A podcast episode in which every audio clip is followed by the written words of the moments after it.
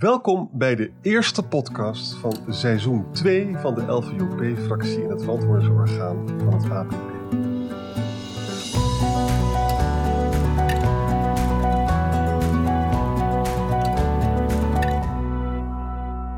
Vandaag gaan wij, dat wil zeggen Michael Visser in Hulvarenbeek en ikzelf, Arend-Jan Boekestein in. Doorn, praten over een keur aan onderwerpen die in seizoen 1 nog niet of nauwelijks aan de orde zijn gekomen.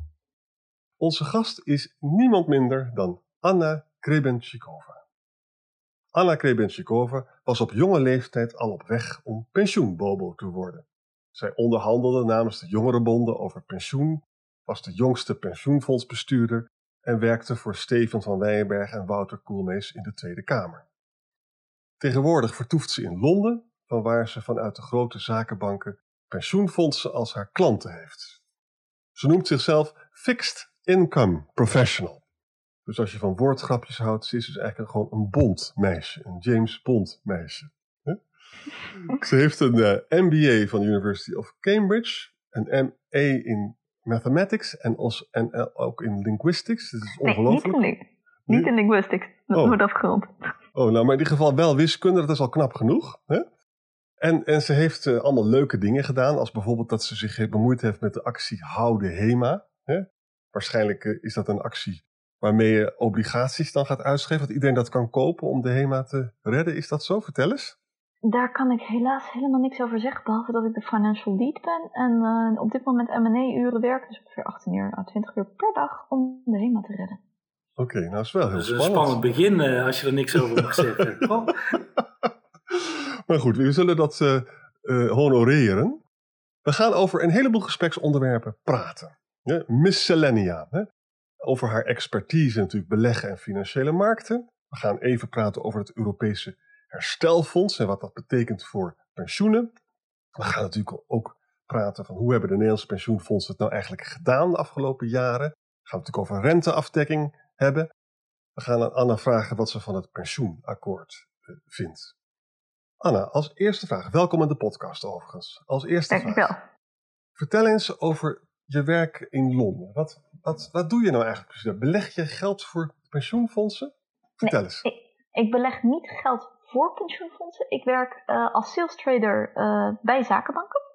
En dat betekent simpelweg dat ik de tegenpartij ben van grote pensioenfondsen of van grote asset managers die eh, eigenlijk geld dan in het geval van de asset managers namens pensioenfonds beleggen of de pensioenfondsen zelf. Dus een pensioenfonds belt me op en zegt wij willen deze Duitse bond met deze looptijd kopen. Hier willen we zoveel van. Wat is daarvoor je prijs? En dan eh, bel ik met mijn trader, of tenminste dan schreeuw ik even naar mijn trader en dan zegt hij, oké, we hebben die op de plank liggen of we hebben die niet op de plank liggen. Daar krijg je deze, deze prijs voor en dan communiceer ik die prijs terug. En als het dan pensioenfonds doet dat tegelijkertijd bij de rits aan andere zakenbanken. En als wij dan de beste prijs hebben, en dan zegt hij dan en dan zeg ik dan en dan hebben we een trade. Dat doe ik ook met swaps. Daarnaast zit ik ook op wat je noemt solutions. Dat betekent dat ik iets wat ingewikkeldere producten structureer die eh, heel specifiek op een eh, pensioenfonds van een, eh, op de balans van het pensioenfonds passen. En dan kun je denken aan hypotheken, maar ook meer aan groene projecten en dergelijke. Ik kijk dan heel specifiek naar wat is de dekkingsgraad van een pensioenfonds, wat is een VV en welke producten hebben ze nu op de balans, wat zouden ze beter op de balans kunnen nemen, zodat ze net dat beetje extra rendement kunnen pakken. Dit is in principe, zeker als het gaat om bonds en swaps, eigenlijk een heel erg bulk business. Eh, de bedragen die je altijd erbij hoort zijn gigantisch. Maar de marges zijn flinterdun. Dus er wordt daar helemaal niet zo vreselijk veel geld op verdiend. En ik, eh, je kunt natuurlijk verwachten dat op termijn het door computers wordt overgenomen. Net zoals al in de aandelenmarkt, dus equities, is gebeurd. En eh, pensioenfondsen, als ze naar ba- banken bellen, gaan ze voor dit soort heel gewone bulkproducten. Is eigenlijk net zoals suiker kopen. Je staat op de markt, je zegt ik wil een kilo suiker. Je loopt van kraampje naar kraampje en je zegt wat is uw prijs voor suiker? En dan, pak je eh, ja, gewoon de goedkoopste suiker. En de persoon, aangezien je aan suiker niet heel veel kan veranderen, die eh, vraagt gewoon een standaardprijs voor zijn suiker. En zit je dan in een hele stressvolle omgeving? Moet je zoveel mogelijk deals sluiten? Dat zal het wel zijn, hè? Eh, ja, nou, ik denk dat sommige mensen het als stressvol zouden ervaren, maar ik vind het wel prettig. En vertel, hoe, hoe ga jij met stress om? Je, vindt het, je bent een heel competitief iemand. Je vindt het leuk om zoveel mogelijk deals te maken. Eh, ik, ik ben niet super competitief, denk ik. ik. Maar ik vind het fijn om in een high-paced environment te leven. Ik bedoel, ik heb eerder in de Tweede Kamer gewerkt. Ik, er moet wel iets om me heen gebeuren. Maar persoonlijk ben ik ook heel erg, voor iemand op een zakenbank ben ik enorm academisch ingesteld. Ik lees heel veel papers. Ik ben ook altijd natuurlijk in voor de meer academische uh, vraagstukken. En ik uh, doe ook graag een academisch vergezicht, wat dat betreft. Oké, okay, nou, klinkt, klinkt al heel interessant. En ook, want je, ik hoor al heel veel Engelse begrippen tussendoor, uh, Anna. leuk dat je er bij de podcast bent. Um, wat zit je nu in Londen? Ik zit op het moment niet in Londen, want er is nu corona in Londen en het is dus allemaal wat vrijer werk. En ik heb besloten even bij mijn ouders in Bunnik te gaan zitten. Ah, kijk, ik gehad in Londen. Lockdown en, is een beetje vervelend. Ja, dat begrijp ik. En, en ook, want um, je, je, heb je in de coronatijd, wat, wat me gewoon echt zeker in jouw business, uh, om even een ander Engels woord te gebruiken, uh, heel hectisch uh, is, heb je destijds ook gewoon uh, zaken, is dat door blijven gaan? Heb je dat toen ook middenin gezeten? Ik heb er voor een deel middenin gezeten, maar ik ben al een tijdje in gardening. Oké. Op het moment. Oké.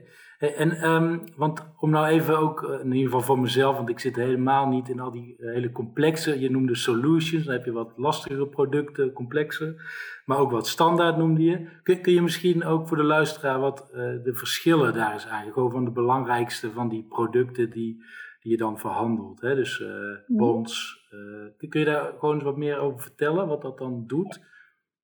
Ja, zeker. Je, moet dus naar je kunt in principe naar de hele balans van het pensioenfonds kijken. En daarvan um, eigenlijk deel je vanuit de financiële gedachte altijd die balans in tweeën. In een matching portfolio en een return seeking portfolio. Een matching portfolio is gewoon puur gemaakt om... Want bij een pensioenfonds weet je heel precies welke kaststromen er in de toekomst gaan zijn.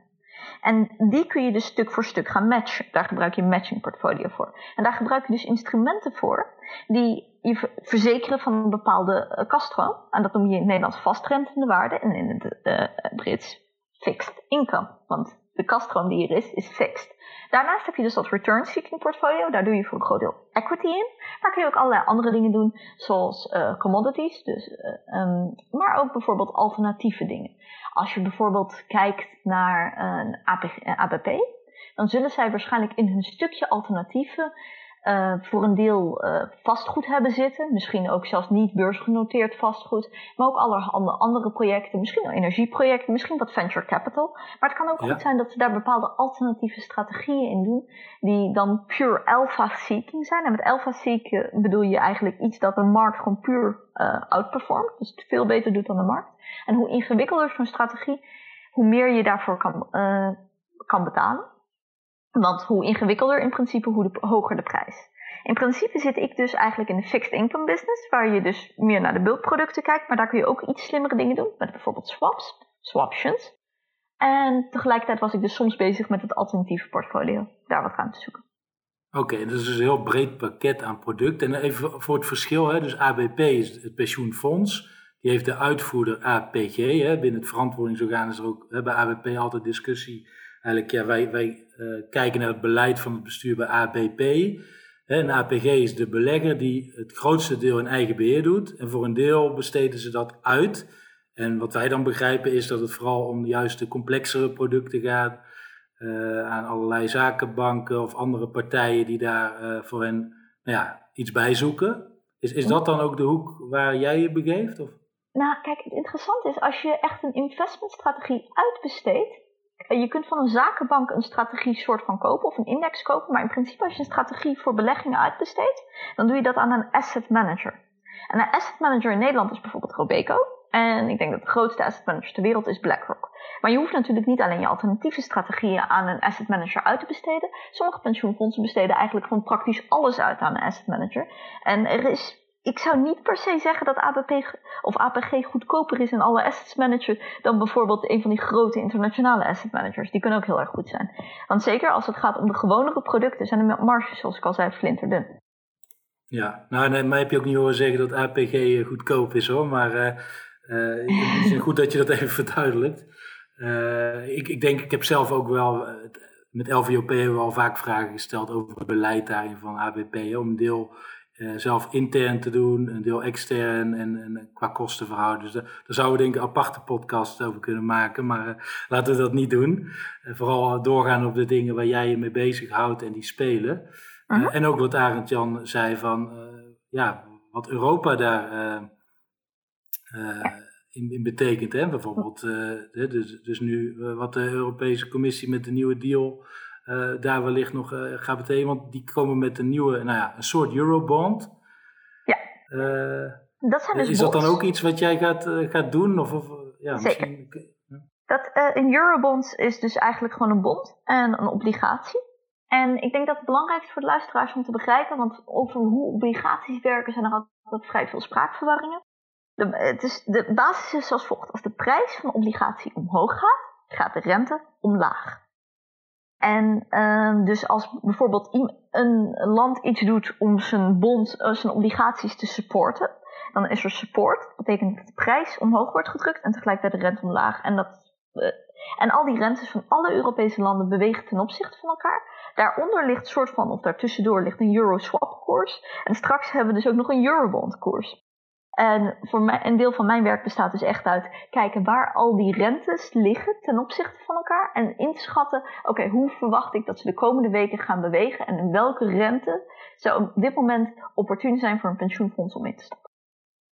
En wat betekent nou die, die nieuwe Eurobond? Dat is nu voor 750 miljard. En ik denk dat dat uh, nog veel meer gaat worden in de toekomst. Wat zou dat kunnen betekenen voor de Nederlandse pensioenfondsen? Ik denk persoonlijk dat voor de Nederlandse pensioenfondsen het niet heel veel betekent. Ik weet dat dat niet een spannend antwoord is. Het voegt voor de Nederlandse pensioenfondsen gewoon een product toe aan hun arsenaal. En, maar, maar stel je nou eens voor dat die Europese kapitaalmarkt zich verdiept. Hè? En dat heel veel mensen, bijvoorbeeld Chinezen, misschien ook wel Amerikanen, eurobonds gaan kopen. Ja. Betekent het dan, dat is misschien een domme vraag, maar dat betekent dan dus dat, dat er ontzettend veel kapitaal uh, wordt, of, of heel veel obligaties worden verkocht in Europa. Hè? Dan is het toch ook makkelijker voor pensioenfondsen om aan hun geld te komen? Nou ja, op dit moment dan hebben ze ook een, de facto een concurrent erbij. Hè? Ja. Um, op dit moment worden er al heel veel Europese obligaties verhandeld. Uh, onderschat vooral niet, ik weet dat dit programma heel groot klinkt, maar het is, het is nog steeds kleiner dan het totale Franse programma, het totale ja. Duitse programma in Nederland geven we niet zo gek veel uit. Maar waar je het over hebt is dat uh, op dit moment is, uh, zijn euro's nog geen, reserve, uh, geen reserves van centrale banken elders in de wereld. En met de ingang van Eurobond zou dat wel kunnen gebeuren. Ja. En de effecten die je daarvoor vooral zou kunnen verwachten, dan krijg je dus capital inflows. Want mensen gaan die dingen dus kopen en dan op hun eigen plank houden.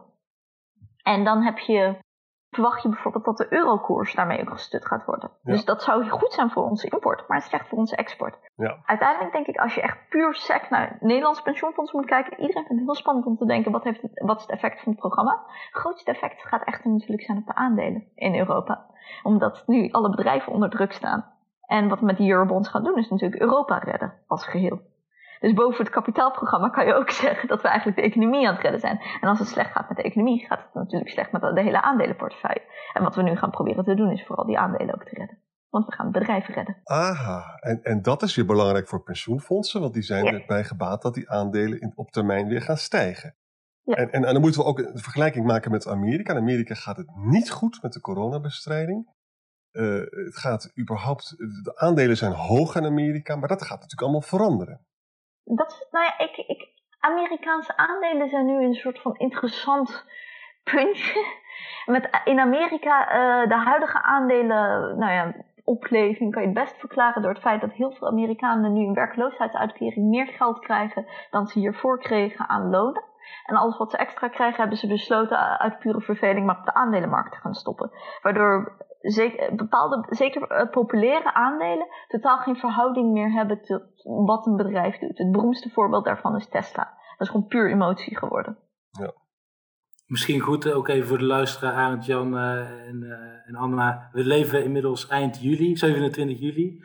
Het is een beetje vakantieperiode in Nederland, dus deze podcast komt ergens in augustus uit. En wat ik weet van aandelen is dat ze volgende maand zomaar in elkaar kunnen zijn gestort. Of juist toch weer zijn gestegen. Dus uh, die dacht misschien even goed om uh, de tijdslijn erbij te geven. Nou ja, als ik een gokje mag doen voor de komende maand. Ik denk niet dat we de komende maand enorm gaan instorten. Simpelweg omdat ik me moeilijk kan voorstellen. Het beste wat Trump nu nog steeds kan blijven doen is al zijn extra geldprogramma's laten uitzetten. Omdat hij enerzijds leunt hij heel erg op wat de aandelenmarkten doen om zichzelf een goed gevoel te geven over waar hij mee bezig is in de wereld. En anderzijds het krikt zijn populariteit onder kiezers op. Ik denk niet dat je vlak voor de verkiezing de aandelenmarkt wil laten crashen. Maar dat ben ik. Zou die zoveel macht hebben? Ja, ik bedoel, het is zijn geldprintprogramma dat, dat, dat de bol omhoog duwt. Ik zou niet op de stopknop drukken nu. Laat dat maar lekker aan Biden. Ja. Michael, jij mag de volgende vraag stellen. Ja, ja, dit is natuurlijk dat Europa en die bonds is helemaal jouw onderwerp aan, Jan. Want elke keer, daarom doen we het ook. Hè. Het is als, als eerste aflevering in, uh, in ons tweede seizoen. Omdat iedere keer bij alle gasten probeerde jij dat onderwerp toch eh, een beetje door te drukken. Maar niemand durfde. En gelukkig Anna, die wil daar wel over praten. Dus, uh, maar nou, wat, ik, wat ik wel misschien nog interessant vind, even als het hier om gaat. Hè, je noemde 750 miljard dat er aan obligaties wordt uitgegeven die moet ook ergens uit worden terugbetaald. Als ik het goed heb begrepen, het pakket is dat deels door uh, nieuwe of bestaande Europese belastingen.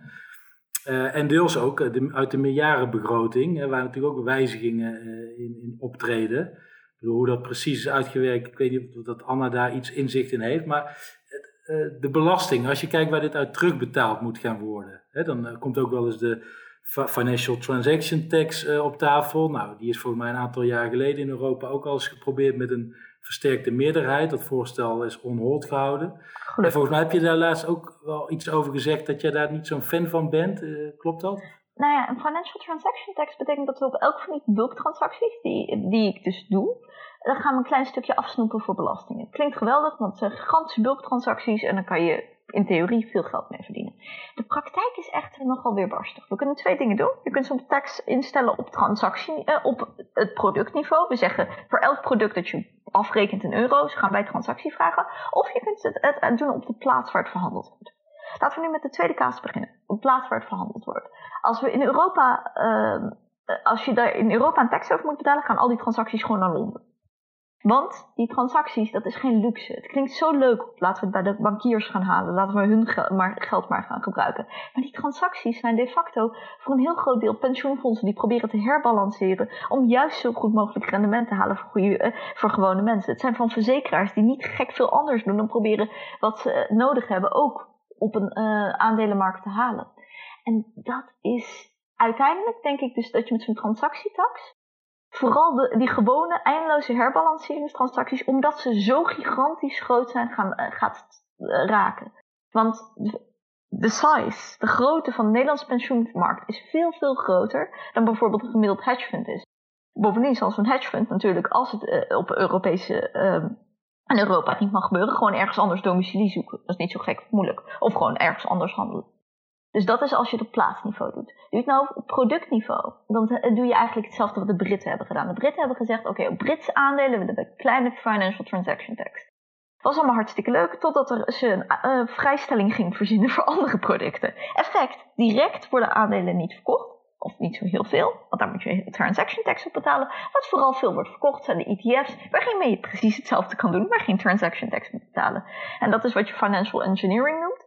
En die financial engineering klinkt meestal heel erg uh, slecht, want mensen denken, oh, evil engineers. Uiteindelijk zijn dat soort, je, je verzint er een manier omheen, maar die manier die er omheen verzonnen wordt, die gaat ook goed zijn voor de facto gewone burgers, want heel veel transacties zijn ook gewoon van gewone burgers. Okay. Maar zeg je daarmee eigenlijk, want, want dit voorstel leeft al langer en je zegt er wordt eigenlijk een stukje afgesnoept aan belasting voor iedere transactie, dat kun je naar woonplaats doen. Dus nou dan ga je, dat was ook het eerdere voorstel, waar er meen ik een stuk of tien landen die daar dan wel voor waren. En dat waren dan vooral misschien landen waar uh, niet als in Nederland grote pensioenfondsen of verzekeraars zitten. Hè, uh, dus een andere markt. Maar als dit dus Europees wordt ingevoerd, dan valt dat argument weg. Klopt dat? Nee, want dan zou ik eigenlijk dan, uh, dan denk ik, dan heb je de volgende effecten.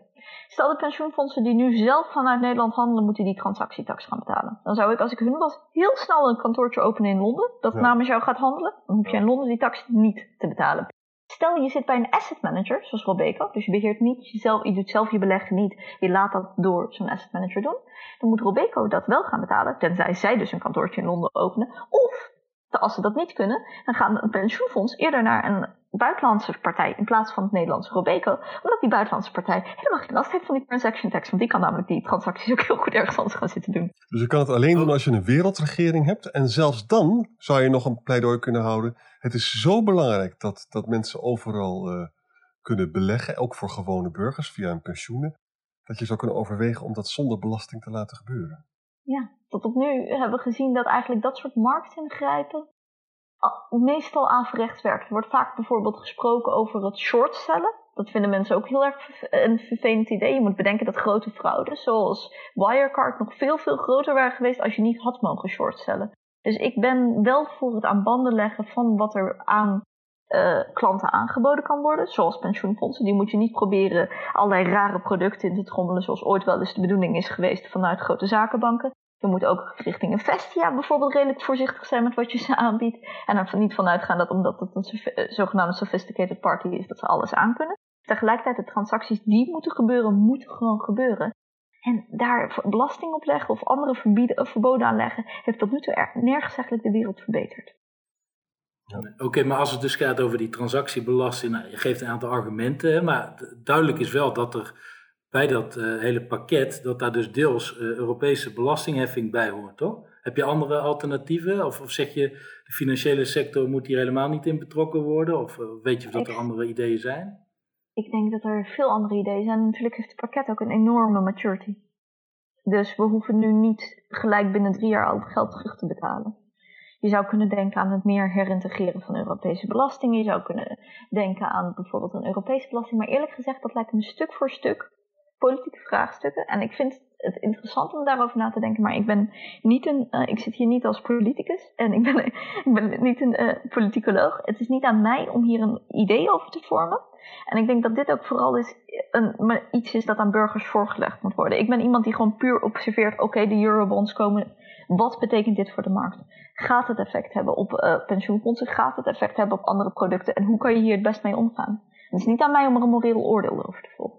Oké, welke looptijd hebben die eurobonds? Uh, ik hoorde je op BNR zeggen 30 jaar, maar soms dan lees ik ook 2058. Onze pensioenfondsen willen kennelijk langer dan 30 jaar. Klopt dat? Ja, onze pensioenfondsen willen zeker langer dan 30 jaar, maar dat is vooral om, uh, omdat het voor hun op dit moment in het lange. Voor een pensioenfonds kan het heel nuttig zijn om iets in het lange eind te hebben. En er zijn op dit moment nog niet superveel producten uh, die heel erg liquide zijn. Maar uh, ik weet dat de last uh, possible recovery fund bond maturity is um, 31 december in 2057. Dus dan spreken we over 37 jaar. Oké. Okay. Onze pensioenfondsen zouden misschien wel naar de, nog verder in de toekomst in willen. daar is ook enige interactie met het pensioenakkoord.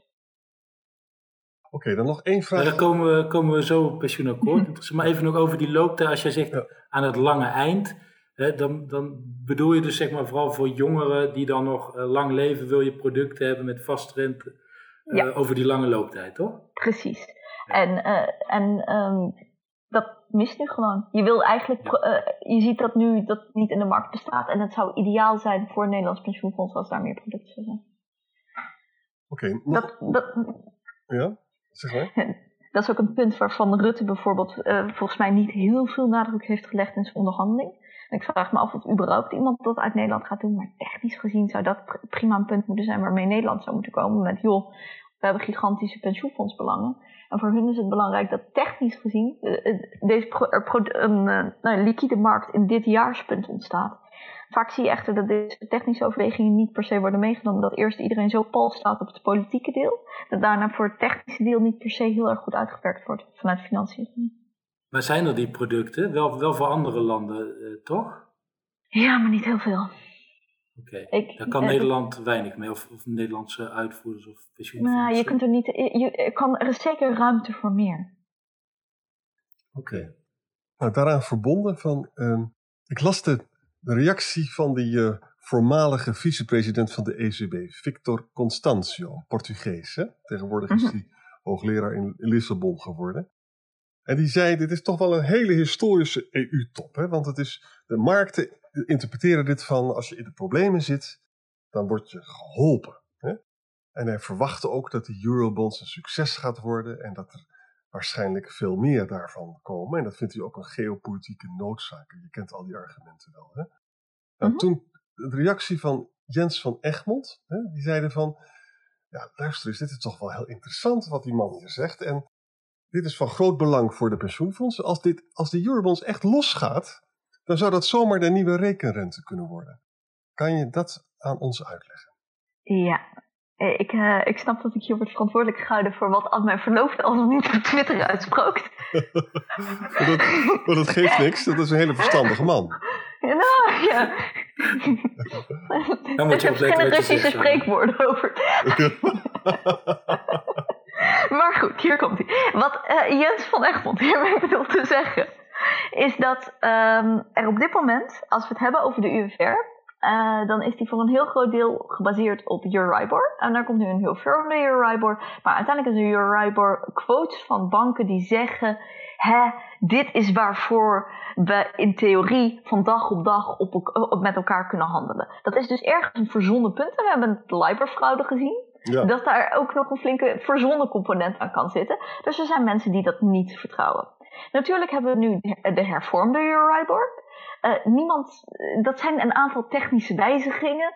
Ik zou niet zeggen dat je daardoor 100% het kan vertrouwen, want het is nog steeds geen marktproduct. Nu komt er uiteindelijk allerlei, uh, we hebben het over Ionia en Esther en nog een hele berg andere transities, maar dat is nog niet een heel erg bestaande markt.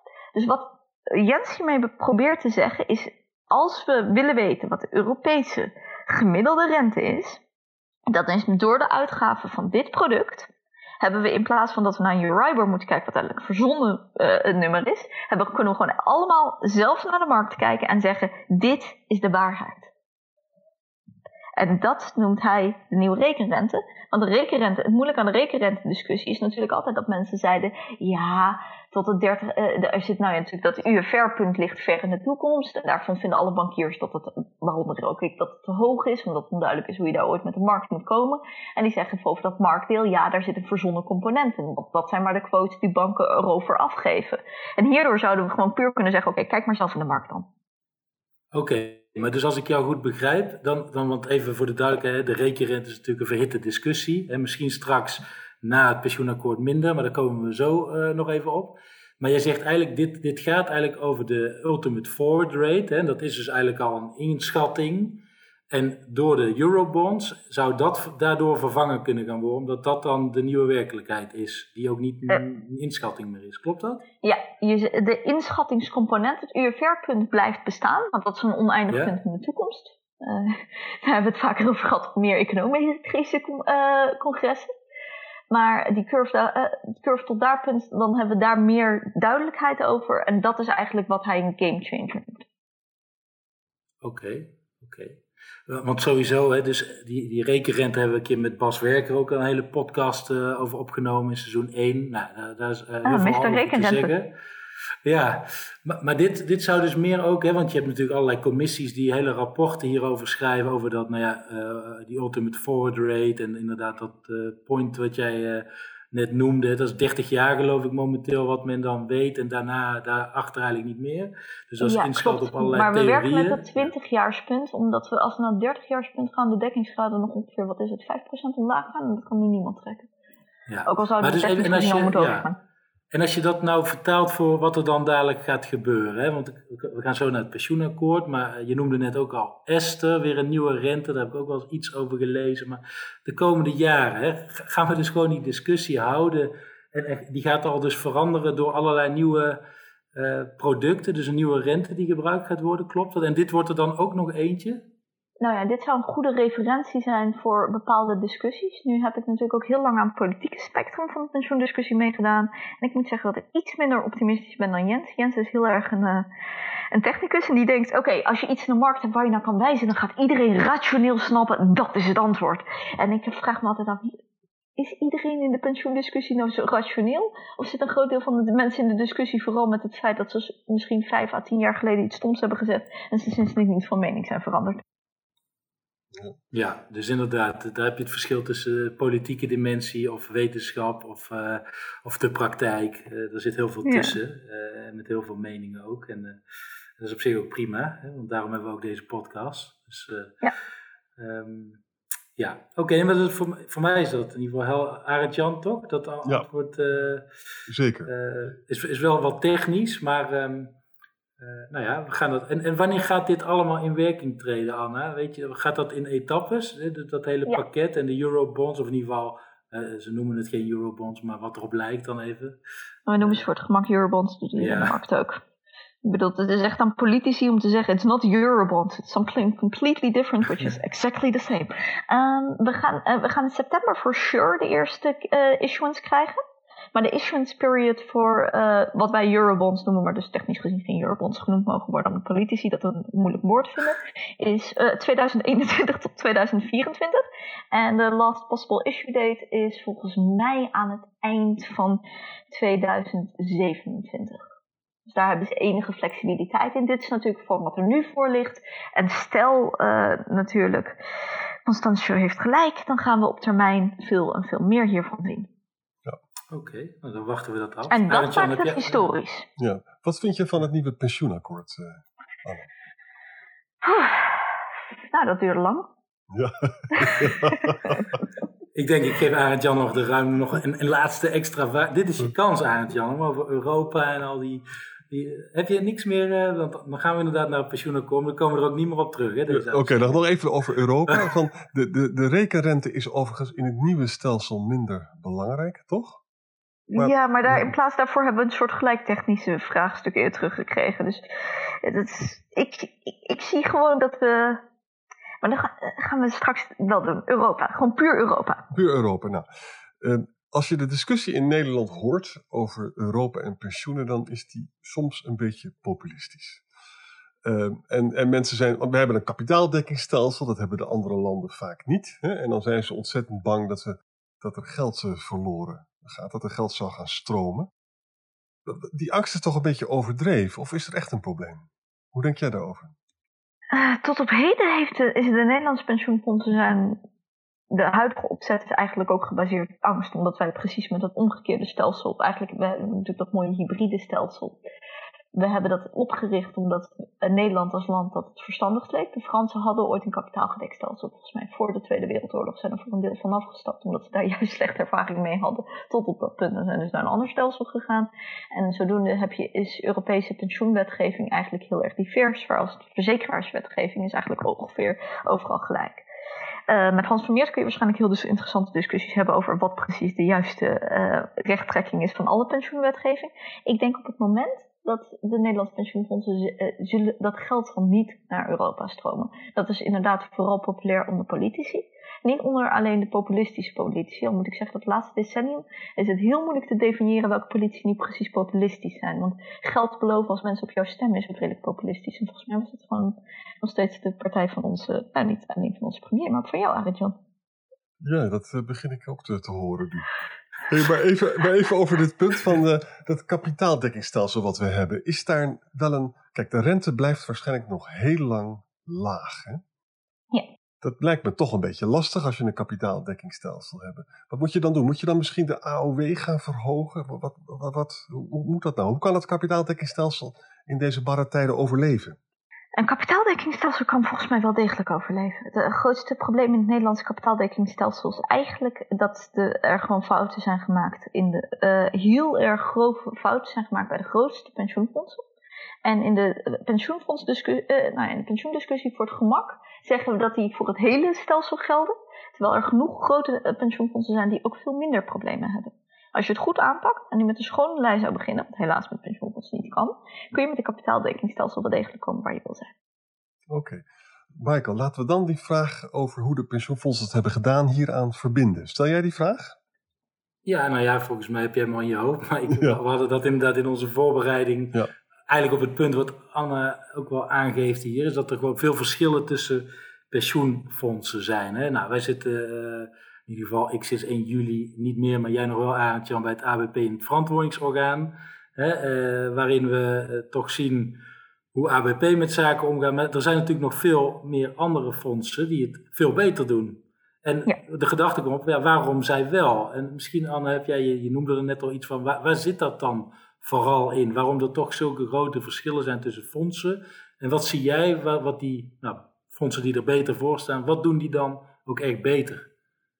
Ik denk dat, uh, nou, je kunt dat eigenlijk in drie grote buckets gooien. Maar het belangrijkste om te beseffen is wat pensioenfondsen nu doen, heeft niet zo gek veel effect meer op als uh, andere handelingen in het verleden hadden kunnen hebben, als pensioenfondsen anders hadden geacteerd. In Nederland hebben we dus in, over het algemeen twee typen pensioenfondsen: de bedrijfstakpensioenfondsen en de ondernemingspensioenfondsen. En de bedrijfstakspensioenfondsen hebben het over het algemeen gezien slechter gedaan. We vinden het altijd heel prettig, eh, nou tenminste de bonden vinden het altijd heel prettig om te zeggen dat dat ligt aan de bijstortingsverplichting. Dat ondernemingspensioenfonds hebben inderdaad, daar heeft is er echt iemand verantwoordelijk voor hoe dat pensioenfonds voorstaat. Als het te slecht is, moet er geld bij vanuit de onderneming. Vanuit de werkgever bedoel je dan, hè? Dus dat de werkgever, een Shell of zo, die stort dan wel bij. En dat is inderdaad gebeurd. Maar ik denk niet dat dat de enige reden is waarom sommige pensioenfondsen er beter voor staan dan andere. Er was namelijk uh, heel lang, uh, wat een tweede aspect erin is, verantwoordelijkheid voor hoe je pensioenfonds ervoor staat. En wanneer, en je aptitude, wanneer je het genoeg vindt. Er is een heel beroemd Nederlands klein pensioenfonds, dat heet Calpan. Het wordt gerund door één persoon met een Excel-sheet. En dat heeft volgens mij de grootste uh, dekkingsgraad. Dat is niet vanwege een bijstorting. Dat is persoon, gewoon omdat die persoon dacht, nog voor de financiële crisis, joh, we staan er mooi voor. Ik ga nu al mijn risico's gewoon lekker dichtgooien. Ik ga herverzekeren. Dan komen we aan een tweede component die een verschil maakt. Je kunt namelijk gewoon met de verzekeraar, als een pensioenfonds er goed genoeg voor staat, een deal zeggen van joh, ik haal het hele pensioenfonds van de balans. Je krijgt al het geld dat we nu hebben. En dit zijn de verplichtingen en dat is nu jouw verantwoordelijkheid. En heel veel uh, Britse pensioenfondsen mikken hier ook op. Die werken toe naar een ratio waar ze dit kunnen doen. En natuurlijk hadden Nederlandse pensioenfondsen daar ook iets meer mee kunnen doen. Maar die dachten, we gaan het allemaal zelf beter doen. En wat je dan had kunnen doen om het beter te doen, zijn verschillende vormen van rente afdekken. En het hele verschil in, eh, tussen alle dekkingsgraden in Nederland kun je eigenlijk op dit moment verklaren met pensioenfondsen die inzagen dat ze het risico van een dalende rente wel of niet moesten indekken. We hebben het eerder over Jens gehad.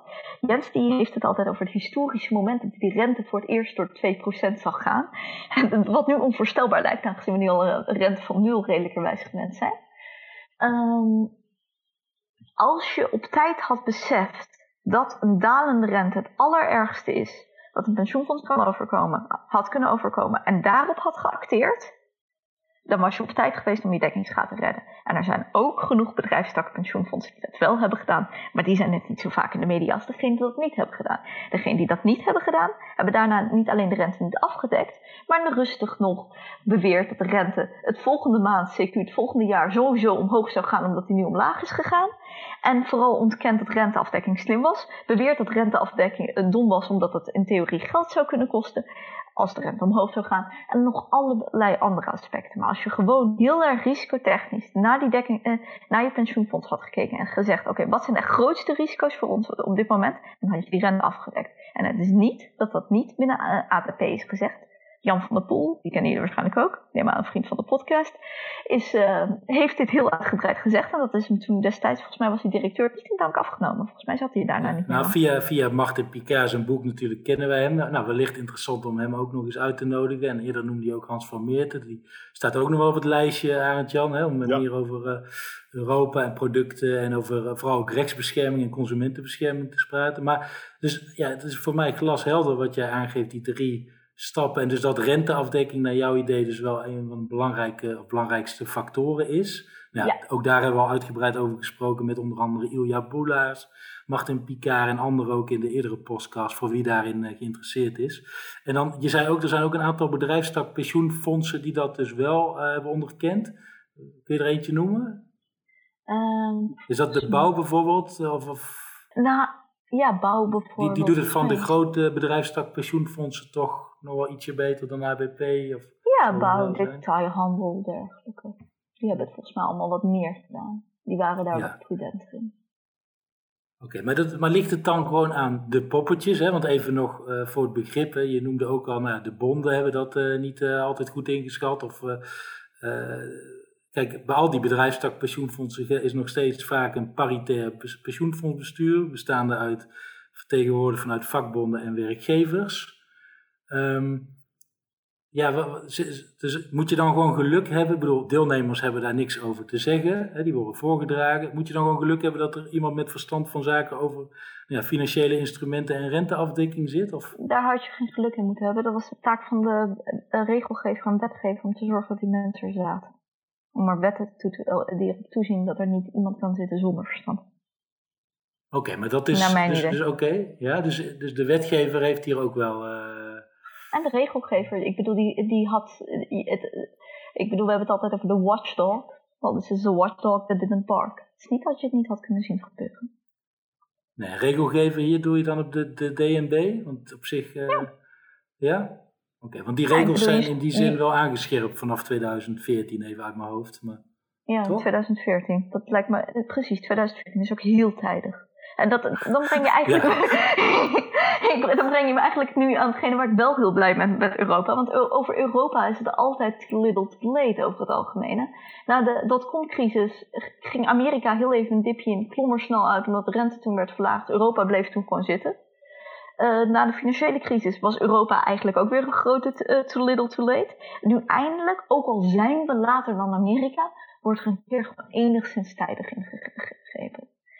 En zijn we niet, zeg maar, over vier jaar corona-wetgeving aan het verzinnen. Klinkt raar, maar als je denkt aan wat er de regelgever met pensioenfondsen heeft gedaan. en als je kijkt wanneer ze de problemen begon te kopen. en als je dan zegt vanaf 2014 zijn ze is de wetgeving verscherpt. Ja, dat, die tijdslijn moet gewoon korter. Financiële markt, en dan hebben we het over de beroemde monkey wrench. Eigenlijk die je in het systeem kan gooien wetgeving en eh, centrale banksteun en hulp en dergelijke voor economie hoeft in principe een goed, uh, goed, nou, goed functionerende economie niet te gebeuren. Maar als het niet gebeurt als het nodig is, dan gooi je een enorme probleem in je, nou ja, je bedrijvigheid in. En dan hebben landen veel meer moeite om op te staan. En Europa heeft veel te lang het idee geheerst dat zelfs als het heel slecht gaat met landen, dat je dan maar gewoon extra moet saneren en saneren en saneren. Terwijl alle mogelijke logica zegt dat als je gaat saneren op iemand die al in de problemen zit, net zoals gewoon een individu die diep in de schulden zit, als je dan deurwaarders op hem af gaat sturen die hem extra boetes gaan geven, dan gaat het met die persoon niet beter. Oké, maar dat brengt mij tot de volgende vraag, want dit is heel interessant. We hebben inderdaad met die vorige crisis dus enorm uh, lopen bezuinigen en lopen te saneren. We hebben in Griekenland gezien hoe moeizaam dat allemaal ging. Hè? Je zou ook kunnen zeggen dat Italië de laatste twintig jaar het ook niet zo goed gedaan heeft, omdat er ook gek genoeg heel veel bezuinigd werd. Hè? En ze hadden dus een primair overschot. Maar nou, de gok die we nu nemen is, we, hebben dus uh, de eurobonds. We hopen dat het geld dat naar Italië gaat, dat dat Italië ook de tijd en de ademruimte geeft om te hervormen. Maar als Italië weer niet zou hervormen, dus de arbeidsmarkt en de pensioenmarkt en, en, al die monopolies, dan hebben we echt een probleem. Hè? En dan is een transferunie waarschijnlijk ook politiek niet houdbaar. Hoe zie je dat? Nou, een, eh, eh, een transferunie, de United States is ook een transferunie waarin sommige hervormingen die al 50 jaar nodig zijn niet zijn gebeurd. Of een transferunie een succesvol is, is uiteindelijk een politiek vraagstuk, niet een financieel vraagstuk. Ja, maar... Een transferunie is iets waarbij mensen aan beide kanten van de transfer uiteindelijk instemmen en denken dat ze meer hebben of minder. Het gaat niet over of, uh, of wij, uh, we moeten een, een transferunie om te werken, moet wetgeving hebben die gezamenlijk wordt gemaakt, moet een centrale bank hebben die opereert volgens doelstelling die voor iedereen sens maken. Dus misschien net iets minder strak dan puur een 2% regel. En moet ook het hebben over regelgeving waarin iedereen zichzelf kan vinden. En dat zijn politieke vraagstukken, al drie. Dat weet ik, maar, maar het gaat mij om het, e, om het evenwicht van een muntunie. Een muntunie moet degelijk in elkaar zitten en om duurzaam te kunnen zijn, om te kunnen overleven. En, en mijn vraag is, die vraag stel ik aan iedereen en ik krijg nooit een antwoord er eigenlijk op. Stel je nou eens voor dat Italië om allerlei institutionele redenen niet hervormt. Ik ken het land goed en het is heel lastig om het te hervormen. Nou, dat zou betekenen uh, dat, uh, dat, er, dat de eurobandmarkt tot uh, grote hoogte stijgt en dat we dat gewoon accepteren. Je zag nu al bij Merkel dat ze, wij verdienen zo verschrikkelijk veel met onze export naar Italië en met de gemeenschappelijke markt, is dat we dat misschien wel gewoon kunnen accepteren. kun je ook een duurzame muntunie hebben uh, als het noorden die transfers gewoon accepteert. En ook het feit dat bepaalde delen van die Europese Unie niet hervormd zijn. The proof of the pudding is in uh, the eating. Ja. I have no idea. Het is de grote vraag. Hè? Ik begin de laatste tijd te denken dat het misschien zou kunnen. Nou ja, dan moet je de MMT-theorie lezen. Dan krijg je sowieso een heel nieuw idee over wat monetaire uh, theorie inhoudt. Ja, maar dat, maar dat, dat vind ik zo eng. De, de, de, Koen Teunings ook in de NRC, die zegt gewoon, het maakt allemaal niks meer uit. Hup, geld uitgeven, schulden. Nou ja, huh? dat, is, dat is MMT, dat kun je best lezen. Jawel, en maar, maar geloof je Nobody daarin? knows. Ik geloof niet per se in MMT, maar ik moet zeggen dat we de. Wat is MMT? MMT Even... betekent gewoon dat het, de rente zal nog zeer lang heel laag zijn. En dus moeten we gewoon hup, uitgeven en investeren. Uh, MMT is moderne monetaire theorie en ja. dat, dat stelt dat de facto het, andere, het oude idee dat er een deficit is en dat je daar heel veel dingen mee moet doen, misschien een mythe is, gezien de huidige omstandigheden. Omdat de rente dus heel laag blijft. Hè? Dus je kunt dus overal uh, hele snelle wifi aanleggen en bruggen gaan bouwen en weet ik allemaal wel niet. Want kijk maar naar Japan. Japan heeft 225 procent. Uh, het gaat ook niet kapot. Hè? En mensen blijven erin geloven. Het gaat volkomen in tegen de klassieke notie dat je toch een beetje moet, je staatsschuld niet uit de klauwen moet laten lopen. Laten we niet vergeten dat deze wetenschap, tussen aanhalingstekens waar, deze, uh, waar we het hebben over oud en jong, verrassend jong is, verhoudingsgewijs.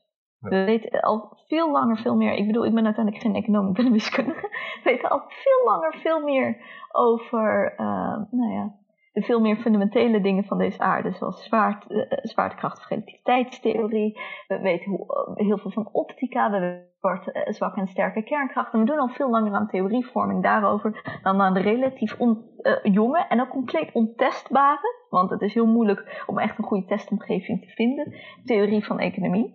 Dus daarin prevaleert vooral wat politiek op dat moment wordt geloofd en heel veel mensen als logisch aannemen. En niet per se een heel erg zakelijke basis ja, dat is zo. Even een gewetensvraag. Hè? Van, denk je dat over twintig jaar de euro een reservemunt is geworden? Ik denk het wel, ja. Dat wel. En het nadeel van een reservemunt is dus dat je, je kan dan gewoon bijprinten zonder dat je al te veel inflatie krijgt. Het is de vraag of dat nou wel zo gelukkig is. Wat, wat zijn de voordelen van een reservemunt? Het houdt je munt de facto sterk. Je, het helpt ook erg als je wereldpolitiek moet Europa wel een keer verzinnen wat ze met een wereldpolitiek willen. Want op dit moment hebben we niet één wereldpolitiek als Europa, maar helaas 27. Voordelen van een reservemunt zijn nog meer dat je ja, eigenlijk gewoon een vaste kapitaal, op vaste kapitaalstroom kan leunen. Ja. En het zou ook een interessante positie ten opzichte van Amerika kunnen betekenen. Maar dan kom je eigenlijk op de vraagstuk over wat, uh, wat Pax Americana betekende en of dat al dan niet ten einde is. Nou, een mooi voorbeeld daarvan is bijvoorbeeld ten aanzien van Iran. Hè? Dus Trump wilde dat we niet meer met Iran onderhandelden. Daar was het Europese bedrijfsleven zeer ontstemd over. En nu zitten ze dus echt te denken van het kan niet zo zijn dat we die Amerikaanse sancties allemaal moeten volgen, omdat die Amerikaanse markt voor ons zo belangrijk is. Dus we moeten zelf ook een monetaire macht uh, gaan ontwikkelen. Ik vind dat een van de meest spannende ontwikkelingen die we, die we misschien krijgen straks. Ik vind het ook heel spannend. Ik vind ook sancties heel erg spannend hoe we dan besluiten ons te vormen. En ja. welke positie je zelf precies kan innemen. Europa heeft tot op heden niet altijd de hand, wel heel erg belerend, maar niet per se altijd de handigste speler. Europa probeert zijn politiek vooral richting Amerika te richten, maar is zelf niet in staat om een goed en sluitend naar mijn idee antwoord versus Rusland te geven of versus China. En daar zou je dan nog moeten bezinnen wat je daarmee wil. Ja, zeker. En dan kan je niet alleen maar vasthouden aan oppositieleiders.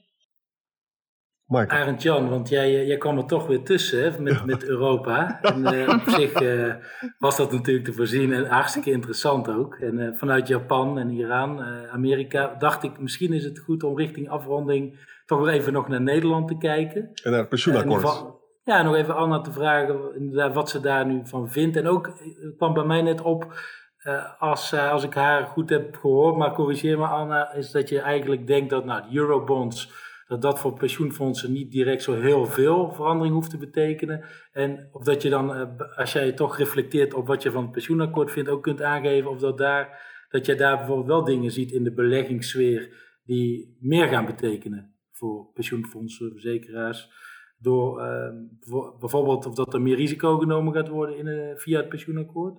Zou een gedachte Ah. kunnen zijn? Ik denk dat uiteindelijk eh pensioenakkoord. Als eerste, Ja. wat vind ik ervan? Eh, nou, het, was hard, het duurde lang, zoals ik zei. Het ligt er nu. Laten we hopen dat het er blijft liggen. Alleen voor mij is het pensioenakkoord pas af als de eerste pensioenfondsen overgaan. Tot op het moment dat de eerste pensioenfondsen niet over zijn, als er dan weer een nieuwe regering ligt, dan kunnen er veel dingen gebeuren. En ik zou, kan me goed voorstellen dat bepaalde partijen daar nu op voor sorteren. Dus met pensioenakkoord voelt het alsof er nu het einde oefening is. Maar we hebben eerder gezien in dit dossier... Ain't over till the fat lady sings. En, eh, en, eh, Maar jij, laten jij denkt dus inderdaad dat dat, eh, dat, dat ehm, reële kans is dat partijen, ze- zei je dat nu, dat die erop voor sorteren dat er helemaal niet wordt overgestapt? Ik denk, nou, moet je voorstellen dat een compleet andere regering komt. Er zijn nu al bepaalde mensen die, naar mijn idee, heel erg. Naar mijn idee zouden ouderen gelukkig moeten zijn met het huidige pensioenakkoord. Ik bedoel, ze krijgen er vrij veel bij. En ze zijn de minst leidende partij in het verleden geweest en ook in de toekomst. Dat is prachtig. Eh, tegelijkertijd zie je dat heel veel oudere partijen, maar ook gewoon partijen die misschien wat populistischer zijn, heel erg in de oren laten hangen nou, dat dit toch niet is wat er zou moeten liggen en dat we misschien moeten doordenken. De, er, binnen de FNV zijn er best wel veel stromingen die tegen de voorstem van het ledenparlement zijn. Ja. En dan eh, kan het altijd zo zijn in Nederland dat we toch besluiten weer de polder in te gaan. En als eenmaal iets weer de polder in gaat, dan kan het daar heel lang blijven liggen. Dus voor mij is het pensioenakkoord pas echt een done deal als het eerste pensioenfonds overgaat Lijkt naar het nieuwe stelsel. punt. En dan kunnen we namelijk niet meer van het akkoord af. Want dan zou je, als je naar een nieuw akkoord wil, eigenlijk drie stelsels naast elkaar in de lucht moeten hangen. Dat kan niet.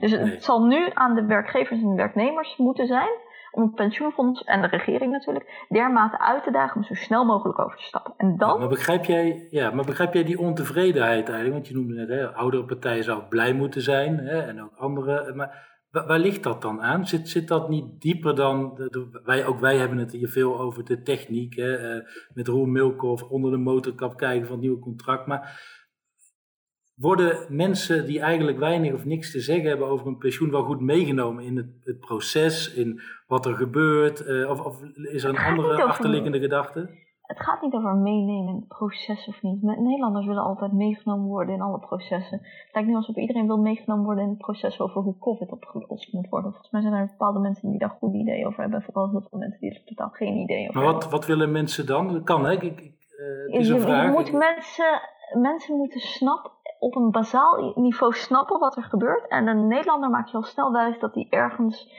er slecht vanaf komt. Dus er is nu een hele groep ouderen wijsgemaakt dat er genoeg geld zou zijn voor indexatie, maar dat dat ze is ge- afgepakt door hun. En hun kan alles zijn. Dat kan politici zijn, Europa, Den Haag, banken, jongeren, maakt niet uit. Dat is gewoon door een, zeg maar, een grote hun is dat ze afgepakt. En daarom vinden ze het oneerlijk. Maar ze snappen tegelijkertijd niet dat het perspectief, eh, dat, dat dat oneerlijk zou zijn, voor geen meter klopt. Het is een deel verantwoordelijkheid om tegen die mensen te zeggen dat dat perspectief niet klopt. Tegelijkertijd is het vanuit eh, p- politiek eh, wel heel erg nuttig om dat idee in stand te houden, want daar kun je vrij veel eh, sentiment op winnen. Er is net zoals nu het idee wordt gecreëerd, maskers bijvoorbeeld niet uitmaken, of dat er geen tweede golf komt, of dat het allemaal is verzonnen. Het zou verantwoordelijk zijn om niet mee te gaan met dat soort geluiden. Ik ben het heel erg met je eens. Het verwachtingenmanagement is verschrikkelijk. Hè?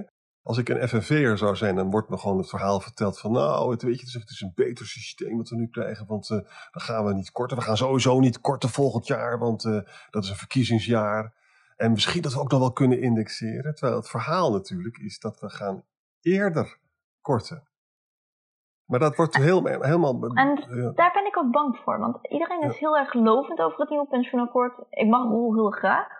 Maar ik denk dat wat het mis was met het oude systeem, was uiteindelijk niet de techniek, maar de governance. Ja. En in het nieuwe systeem zie ik uiteindelijk dat nog steeds dezelfde governance problemen. In principe gaan we eerder korten en eerder indexeren, maar in praktijk hebben we gezien dat als puntje bij paaltje komt, de mensen en de wetgeving er zo naar leidt dat we wel eerder gaan indexeren, maar niet eerder gaan korten. Ja. En voor het systeem is het nodig is dat dat governance-idee op de schop gaat.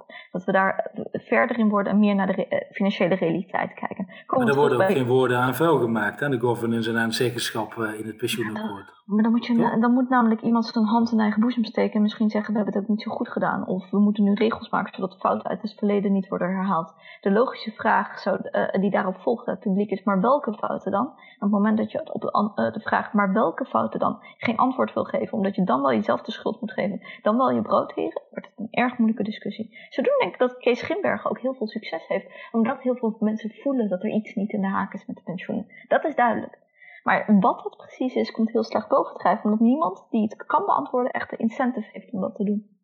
Maar, is, maar zeg je daarmee eigenlijk ook niet, eh, ja, wie, wie hier, nou ja, schuld, ze hebben er misschien wel meer schuld als je daarover wilt spreken. Of trek, trek het boetekleed aan wat er gebeurd is. Zou dat niet een deel van de oplossing kunnen zijn om daar eens mee te beginnen? Door aan te geven waar het dan mis is gegaan en waarom dat straks dan niet meer is? Maar dat is, niet, dus dat is volgens mij typisch het boetekleed aantrekken. Is, is heel erg onpopulair, juist in deze bestuurlijke sferen. Omdat Ja. in, een polder, in een poldermodel heeft, hebben we, heeft iedereen een beetje schuld en daardoor niemand. Ja, nou, ABP we is in die zin niet de eerste die, daar, eh, die dat zal doen. Dat is in ieder geval mijn ervaring in zes jaar verantwoordingsorgaan. Eh, wat volgens mij, eh, wat ze best zouden kunnen, hè? gewoon op onderdelen toegeven waar het gewoon eh, mis is gegaan. Dat zou een, denk ik een betere start zijn dan nu over gaan stappen naar een nieuw systeem en de mensen in de waan laten. En vooral als je ze in de waan laat dat er niet gekort hoeft te worden. Terwijl de dekkingsgraden, volgens mij is het laatste van ABP 85, klopt dat? Ja. Ja, oké. Dat- Met een nieuw akkoord toveren we er geen geld bij. Onder de beleggingskap, by the way, verwacht ik dat alles hetzelfde blijft. Omdat vanuit beleggingsperspectief je uiteindelijk... Het blijft een pensioenfonds, dus je moet eh kaststromen matchen of niet. Los van welke eh, politieke regel, eh, regelmethodiek je daaromheen bouwt. Oké, dus daar gaat naar jouw mening, hè, dus die vraag op de beleggingskant, daar gaat weinig veranderen ook. omdat als je nu naar premieregelingen gaat en naar een nieuw systeem. Ik denk dat ehm, er niet heel veel verandert. Er wordt misschien wat minder interesse in het lange eind, omdat je voor jongeren iets meer risico zou kunnen nemen. Maar de essentie eh, van een matchingsportefeuille van liability-driven investing en dergelijke blijft hetzelfde. En het returns zoeken in andere delen van de strategie blijft ook hetzelfde. We gaan niet ineens alle remmen los en alle, eh, en alle, zeg maar, al het risico ter wereld nemen. We hebben in het verleden gezien waarom je dat niet moet doen. En dat is niet omdat de regelgeving dat niet voorschreef, maar omdat je gewoon vanuit financiële kennis kan voorzien wat nodig is om een goed pensioen te krijgen. Duidelijk. Eigenlijk is het een vraagstuk van governance, zeg je. Dat ben ik met je eens. Hè?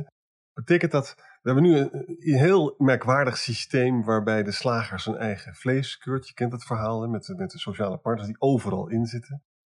Eigenlijk, ik snak naar een wereld waarin je gewoon een professioneel pensioenbestuur hebt. En een hele goede professionele raad van toezicht. En die gewoon keihard zegt, wat, heb je de rente niet afgedekt? Of ga je dat niet afdekken? Dat vind, ben ik helemaal op tegen. Gewoon heel helder.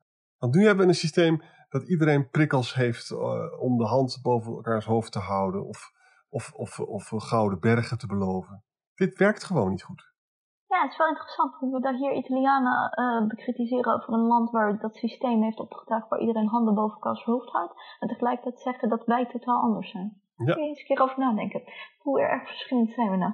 Het is ja. niet populair als je dit perspectief probeert aan de hand te brengen. Maar ja, daar snak ik ergens wel naar. Maar laat in godsnaam wel de werknemersvertegenwoordiging in een manier heel sterk bestaan. En niet alleen in VO-vorm. Die ik toch vrij zwak vind, sorry. Ja, is ook uh, zo. Ja, is ook zo. Omdat Eens. Je kunt ook zien in heel veel schandalen die we de afgelopen jaren hebben gezien, dat als de stakeholders geen duidelijke zetel aan tafel hebben, dat er ook heel veel misgaat. Dus je moet naar een hybride vorm waarin er tegelijkertijd hoge professionaliteitsvormen worden gevraagd van de mensen die er zitten. En tegelijkertijd je ook niet vergeet voor wie je het allemaal doet. Bijna iedereen maar, die ik altijd, altijd moest trainen, want ik natuurlijk in Londen zat ik dan als iemand die ook het pensioenfondsbestuurder was geweest. En die hebben het dan over een ABP en die weet precies hoe groot het is. En ik vraag, oké, okay, weet je wat het gemiddelde pensioen is? Dat er uit wordt betaald per maand. En je hebt nu wel een strategie voorgesteld en die heet een Turbo Alpha. Klinkt leuk, maar voor wie ga je dit precies doen en welke kosten ga je eraan verbinden? Kan je dat alsjeblieft voor mij terugbrengen en in verhouding zetten tot het gemiddelde pensioen van een ABP? Want dat is de manier waarop een goed bestuurder namelijk naar jouw voorstel moet gaan kijken. Dat is altijd wel even schrikken. Ja. Maar Anna, jij zegt werknemersvertegenwoordiging moet blijven. Hè? Maar Je, hebt, je zit zelf, uh, in ieder geval hebt ook voor jongerenbonden, volgens mij de CNV, veel gedaan. Ik weet niet of je daar nu nog bij betrokken bent, maar hoe, hoe kijk je dan terug op hoe vakbonden, misschien in het algemeen, of waar jij dan bij betrokken bent, het doen in deze discussie? En, en is er wel echt een vertegenwoordiging als het over pensioenen gaat? Hè? Hoe dat nu gaat op onderhandelingstafels, in besturen, in die verantwoordingsorganen. Is, is dat, is, is dat, wordt daar de spiegel ook wel voorgehouden van uh, hoe kunnen we hiermee vooruit? Ik, in mijn tijd als jongere hebben we heel veel lawaai gemaakt. Dat was natuurlijk toen ook Ilja er nog was, uh, nou, toen Jens er ook nog rondliep. Ik, ik heb daarna het geluid van jongerenbonden zwakker zien worden. Dat is jammer. Um, ik hoop dat dat naar de komende jaren toe weer gaat versterken. En ik moet wel zeggen dat ik mijn vakbond, CNV, waar ik nog steeds bij betrokken ben, wel ook heel sterk heb zien opereren richting pensioenakkoord. Was de eerste ook die wel kon zeggen dat ja, het nieuwe stelsel, niet alles wat voorgesteld wordt is fair. Naar, uh, voor de transitie. Ja, we moeten ons zorgen maken over de positie van iedereen. Dus de CNV heeft altijd veel open in die discussie gezet. Daarom ben ik ook wel trots deel te zijn van het CNV. Oké, en even dat ik het goed begrepen heb. Zou je naar een wereld toe willen waar je een professioneel eh, ABP-bestuur hebt, een hele goede raad van toezicht en een, v een VO dat veel meer bevoegdheden heeft met de, met de deelnemers daarin? Ik zou willen dat, uh, ik zou zeggen, geef de later FNV en CNV-bestuurders inzitten, maar geef ze een fatsoenlijke MFIN en een MBA. En zeg dat ze, een, uh, dat ze vinden mensen die een, echt een achtergrond hebben in finance en zorg dat ze dan ook nog een, eh, nou ja, een hart hebben voor werknemers. En laat die mensen dan op de zetels zitten van uh, vakbondsbestuurders. Of train je vakbondsbestuurders op, zodat ze op dat kennisniveau kunnen opereren. Want uiteindelijk de beste bestuurders kunnen die twee dingen met elkaar marryen. En hoe je dat vormgeeft, of je die mensen naast elkaar zet, het in dezelfde persoon verankert, I don't care. Maar het moet allebei compleet verankerd zijn. En waar zijn al die deelnemers die dan niet vertegenwoordigd zijn of zich niet vertegenwoordigd voelen via een vakbond? Hè? Ik bedoel, eh, het percentage dat nog lid is, is, eh, is dalende, zeker onder jongeren. Dus hoe, hoe, ga je die mee? Dit gaat ook, zit hier niet veel dieper dat mensen op een gegeven moment, zeker met het nieuwe pensioenakkoord, als ze zien hoeveel geld er maandelijks in hun nou ja, voor het grootste deel dan persoonlijke pensioenpot gaat, hè, even los van alle techniek. Dat, dat moet ook een gevoel bij komen, ook in deze tijd, dat je zegt, ja, maar ik wil gewoon weten wie mijn geld beheert. Uh, ik wil daar ook zeggenschap in hebben. Dan mag dat een werknemersvertegenwoordiger zijn. En daar mag je met mijn vriendin Meili Vos heel veel over praten, hoe je nieuwe vormen van vakbondschap zou kunnen vormgeven. Tegelijkertijd denk ik dat je de institutioneel uh, nou ja, institutioneel vermogen en de institutionele kennis van de bestaande vakbonden niet per se hoeft weg te gooien, maar daar kun je ook nieuwe werkvormen in vinden. Natuurlijk is het belangrijk voor een vakbond om mensen te eh, vertegenwoordigen, anders ben je ook niemand. Oké, nou interessant. Daar moeten we inderdaad eens verder mee over praten. En volgens mij, Arend Jan, hebben wij met Adrie van der Wurf ook nog een afspraak staan voor pensioen podcast, een van de volgende. Uh, daar gaan we in ieder geval over de governance. Uh, dus dank Anna voor jouw visie hierop, hè, voor dit deel. We gaan met hem over verder praten en misschien ook met anderen. Want dit, dit, dit blijft volgens mij wel een thema ja, wat blijft, uh, in ieder geval bij ons ook wel, ja, blijft, vragen blijft oproepen. Van hoe kan het beter? Want hoe het nu is, het werkt gewoon niet. Exact. Goed, dan komen wij tot de afronding. Dit was de eerste podcast van het tweede seizoen. Wij danken Anna Krebenschikova voor het delen van haar expertise. Speciaal woord van dank voor Maurits Korsen voor zijn technische assistentie, die hij zelfs in de vakantieperiode levert. In de volgende podcast is Adrie van der Wurf te gast. Hij is pensioenbestuurder en met hem spreken we over de bestuurlijke dilemma's van governance en zeggenschap van deelnemers. Een onderbelicht thema in het pensioenakkoord en voor de LVOP essentieel. Als u vragen wilt stellen via Twitter kan dat altijd. Apenstaartje LVOP underscore ABP. Of naar de persoonlijke Twitter-accounts van Michael Visser, apenstaartje pensioenschijf, of die van mij, apenstaartje AJ Boekenstein.